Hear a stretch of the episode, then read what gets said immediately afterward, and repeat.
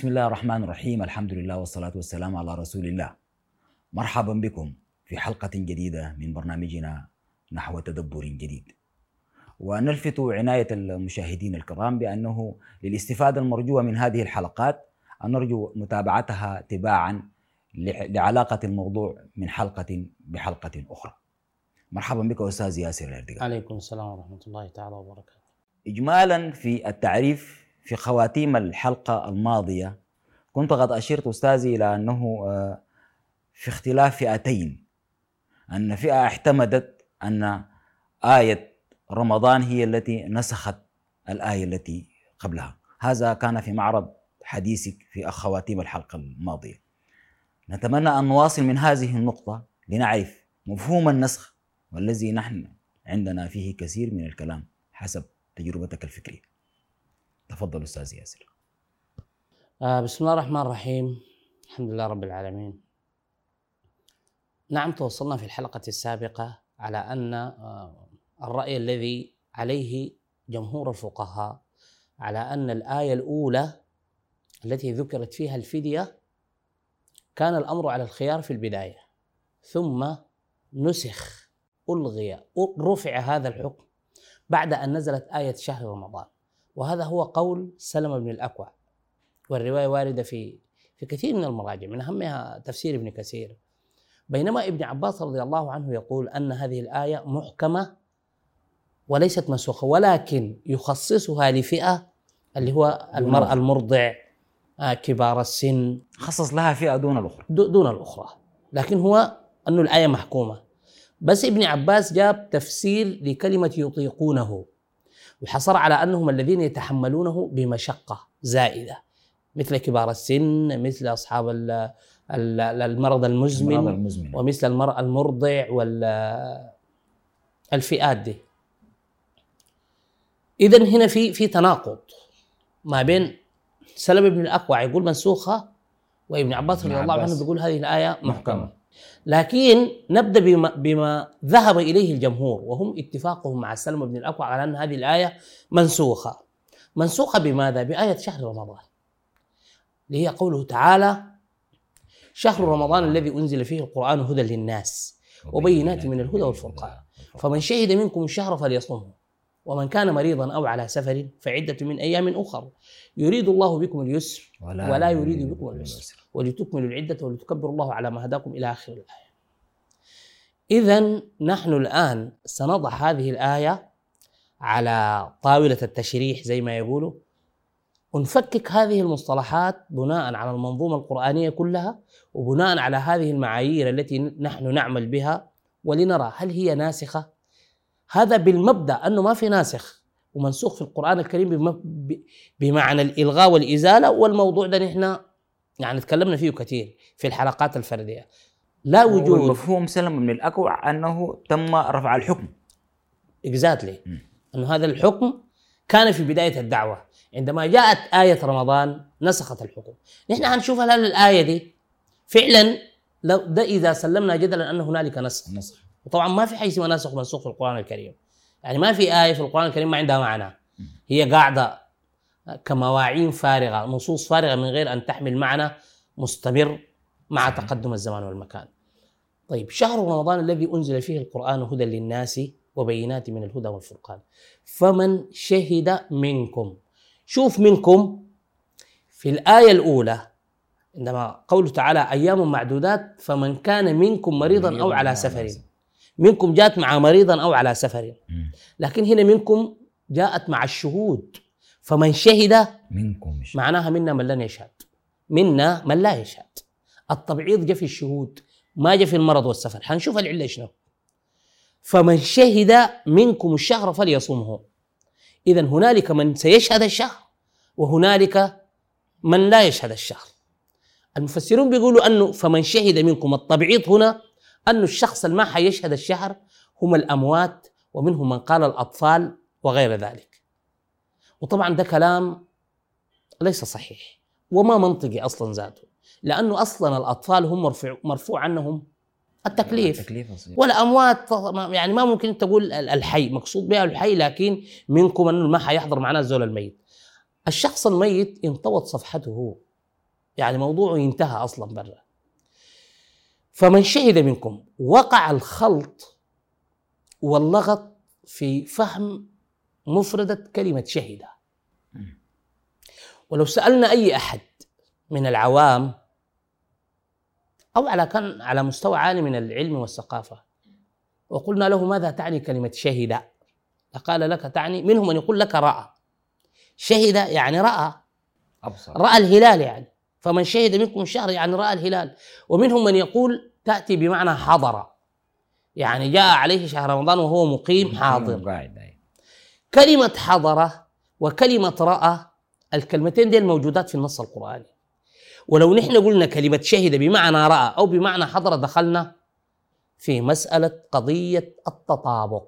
إذا كلمة شهد لا بد أن تجيب لها مفهوم غير حضر أو راى غير حضر أو رأى عشان ما نقع في مسألة التطابق. لأنه دين مذكورين في القرآن بالضبط كده بالضبط كده. طيب كلمة شاهدة. لو مثلا مثلا قلنا أنه كلمة شهد بمعنى حضر التي جاءت في القرآن أم كنتم شهداء؟ إذ حضر يعقوب الموت. كتب عليكم إذا حضر أحدكم الموت. وكلمة رأى جاءت 11 مرة. 11 مرة. فلما رأى كوكبا فلما رأى الشمس بازغة. طيب لو قلنا كلمة حضر شهد دي كلمة شهد. نقوم نستقرئ كلمة شهد دي في السياقات الثانية. نشوف في آيات أخرى؟ في آيات أخرى هذه هي الطريقة. مم. أنت عشان تحكم هذه المفردة تتتبع ورودها في السياقات الأخرى. وشهد شاهد من أهلها. إن كان قميصه قد من دبر. تتحدث عن الحادثة في قصة سيدنا يوسف يوسف. وشهد شاهد من أهلها. يعني أنا أقول لك ال- القضية التي وقعت ما بين يوسف وزوج العزيز التي يقال عليها أنها تحرش. تحرش ما في مشكلة.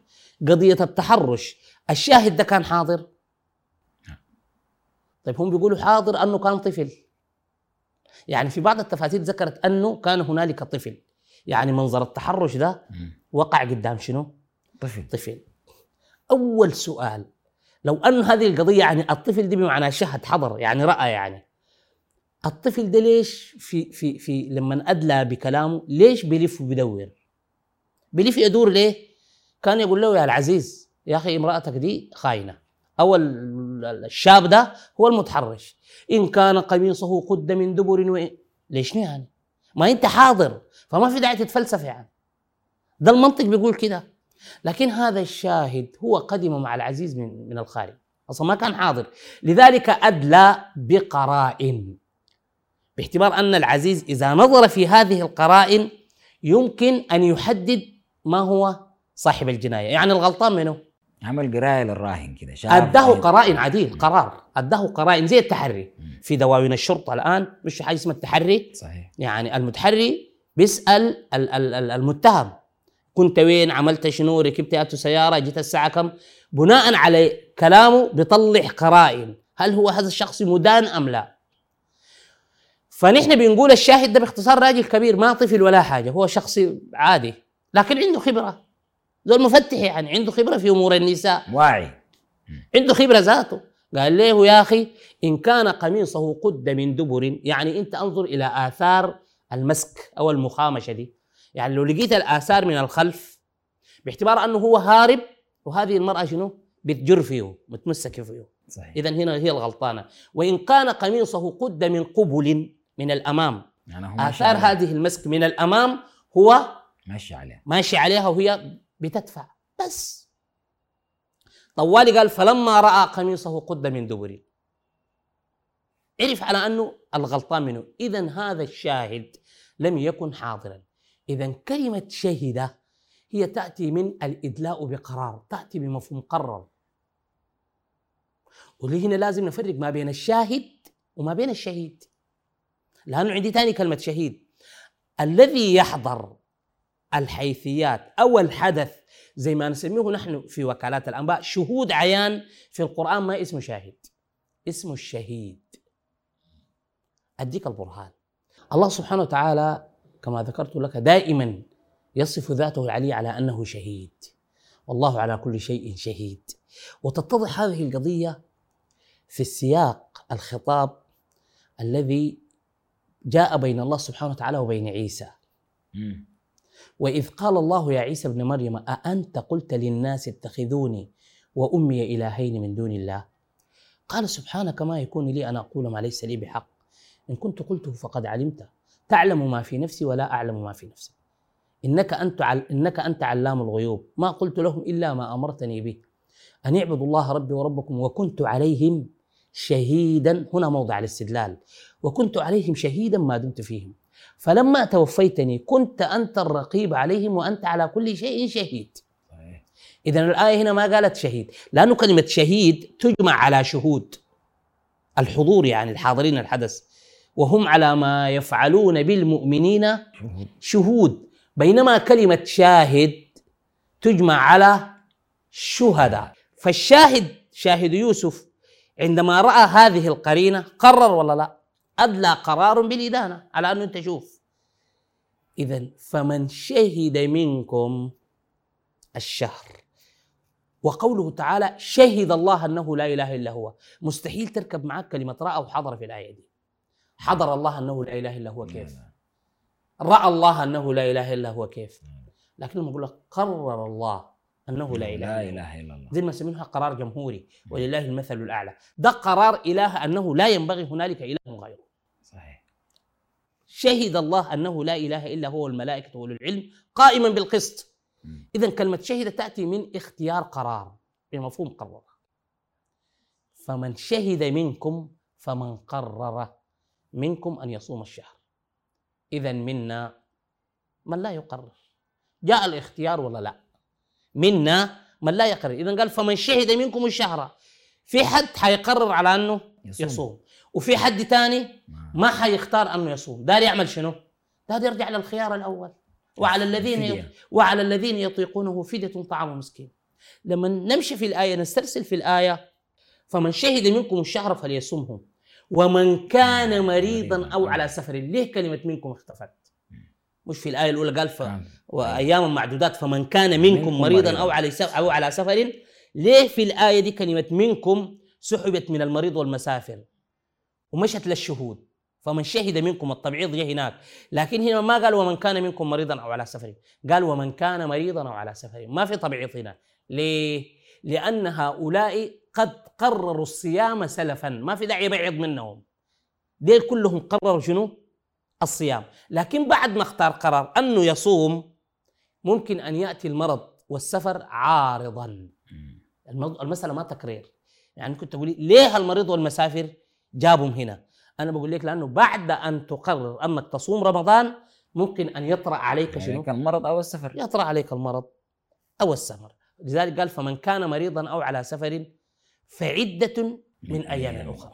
طيب ممكن نجي لو في زمن في الحلقة ممكن نجي نفصل ليه قال فعدة من أيام أخر وما قال فليصوموا من أيام أخر؟ نحن كلنا بنفهم الآية دي أنه اللي عنده أيام بتاعت فطر يقوم يصومه بعد زوال العلة. يعني أنت كنت مرضان. ربنا يعافي الجميع. وزالت علة المرض بعدين تجد شنو. تعوض الموضوع ده بنص الصيام. هو ما قال لك كده؟ التعويض يكون للعدد للعدة. ما ما ما, صياما إلزامي. عشان كده ما قال ومن كان مريضا أو على سفر فليصوم من أيام أخرى. قال فعدة من أيام أخرى. قلنا إحنا العدة هي محصورة بالعدد بالتعداد. إذا عندك أيام هنا. حصل عارض. الأيام دي تعوضها لنا بيات حكم كما أنت تختار. إما بدفع كيف كيف يتم تعويض الأيام في العدة؟ هذا ما سنتطرق إليه في الحلقة القادمة. أستاذ ياسر أدركنا الوقت. كل المشاهدين الكرام رمضان ما بين الفرض والاختيار. هو هذا المبحث في هذه الحلقات. اتمنى لكم طيب المتابعة في مقبل الحلقات مع خالص الود وأجل التقدير.